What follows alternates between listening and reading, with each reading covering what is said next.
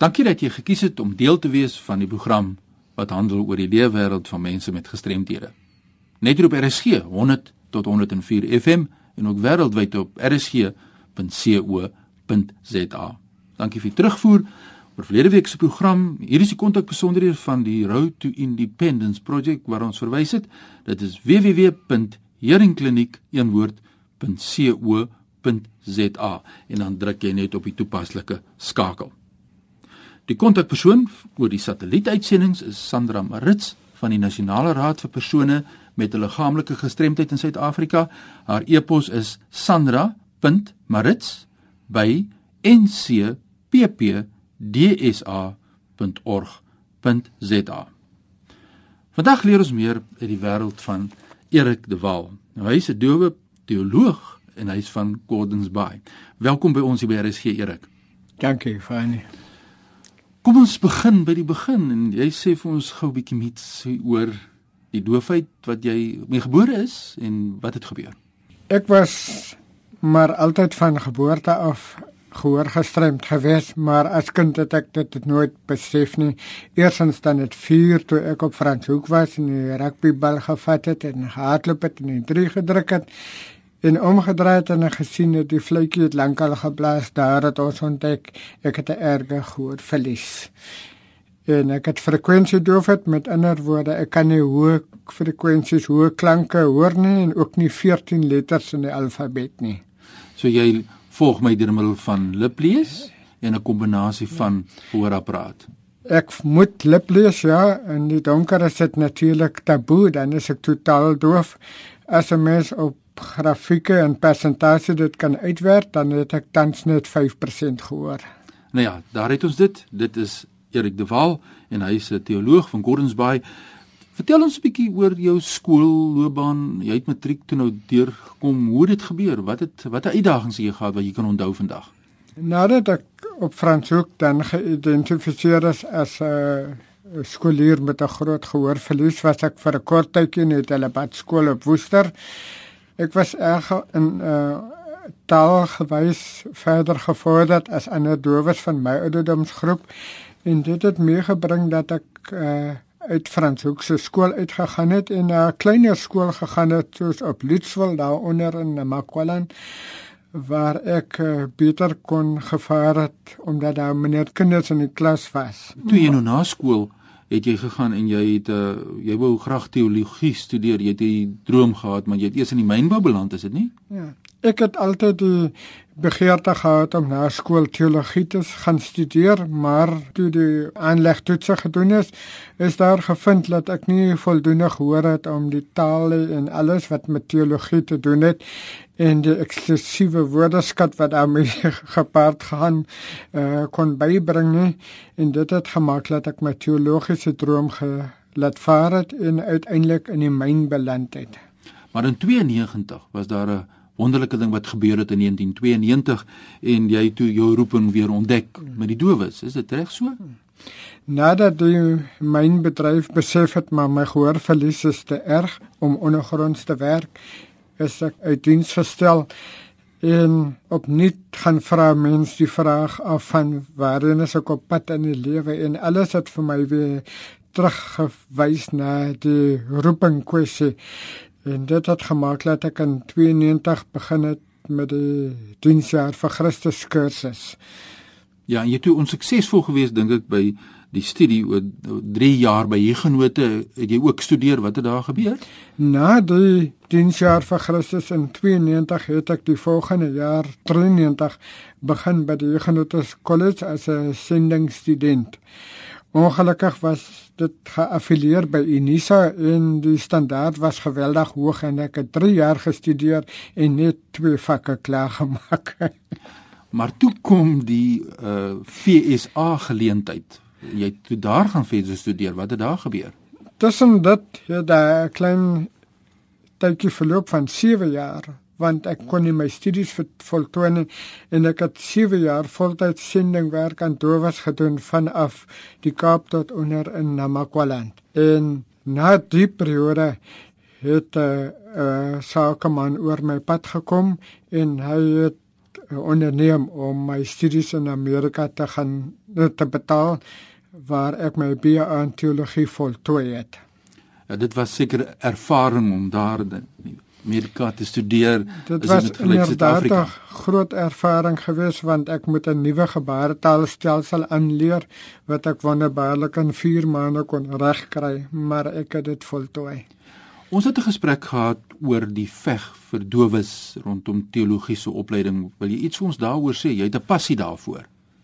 Ja, dit is geweldig moeilik vir dowes om in die teologie in te gaan want die kwessie bly maar altyd dat dit 'n horende hoofstroom standaard is wat die dowes moet bybring en dit is nie maklik nie. As jy neem dat die Bybel vir dowes is maar betreklik onlangs paar jaar gelede eers geskryf, dan het ons baie gewonder oor waar is die teologiese opleiding vir dowes om ook predikante te word soos horende predikante. Vertel ons 'n bietjie jou studie aan Maties toe daardie tyd of 'n paar jaar later, wat het daar gebeur? Dit is maar die hele kwessie van introspeksie wat 'n mens doen as jy jou werk begin verloor. Jy keer terug na van of waarmee ek goed is, wat ek kan doen. Maar die trauma lê daar agter dat ek het al meer en meer het my gehoor agteruit gegaan en al meer het my wêreld in die horende wêreld begin kleiner word. En dit was vir my geweldig traumaties.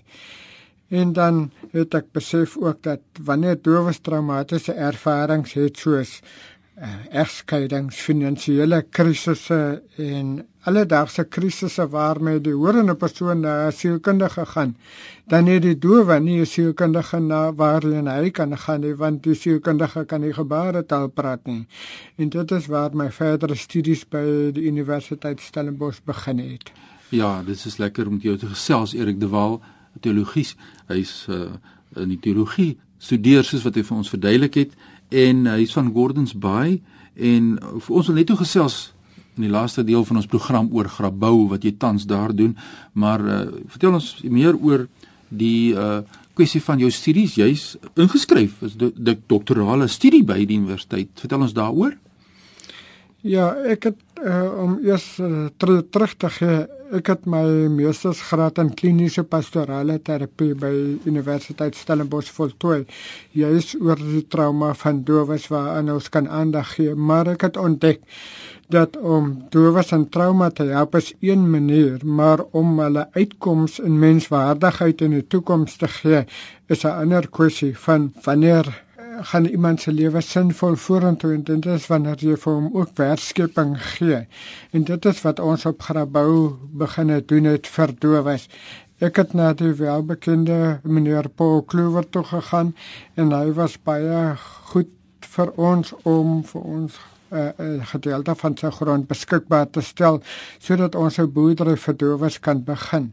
Met ander woorde, ek werf dowes om na Grabouw te kom en dan het ons uh, grond waarop ek die dowes leer om te boer en dan ook om uit die boerdery 'n uh, inkomste te genereer maar dit is in dieselfde tyd die plek ook waar ek aan die dowe in detail aandag gee aan sy trauma ervaring of wat ook al sy geestelike nood op daardie stadium is. En dis oop vir enige persoon wat uit enige gemeenskap kom wat daar dan die ondersteuning en leiding by jou kan kry, nê? Nee? Beslis ja.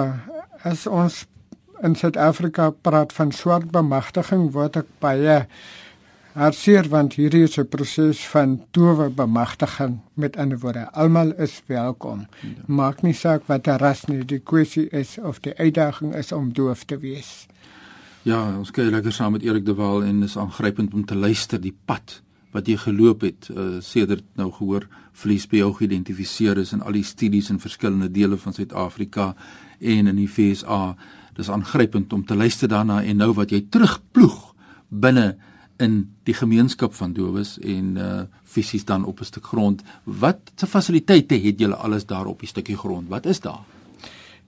Dit is nogal 'n moeilike vraag om te antwoord want die antwoord is niks.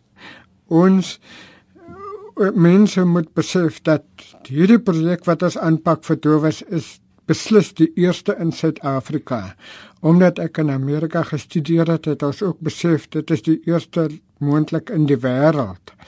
So dit is 'n baie unieke proses. So ons het begin met absoluut niks nie. Meneer Kluwer het vir ons grond beskikbaar gestel en die res is ons verantwoordelikheid.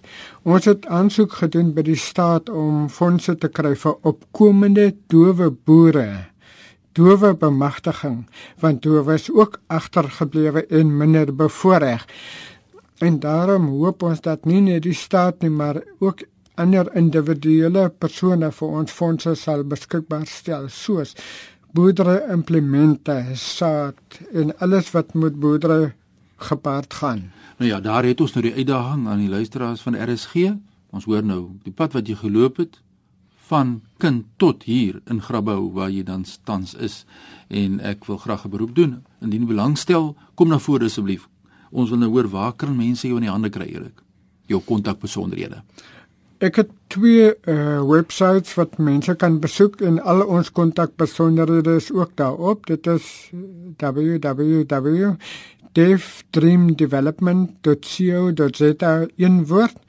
Dit is ons nuwe winsgewende organisasie waaruit ek die trauma berading vir dowes gee uh, in die sending gedeelte doen en dan die boerdery gedeelte het ook 'n website www.gebareboere.co.za www.co.za. Dit is 'n maatskappy waar ons die dowes um, menswaardigheid gee, werkskepping en die sinvolle pad vorentoe.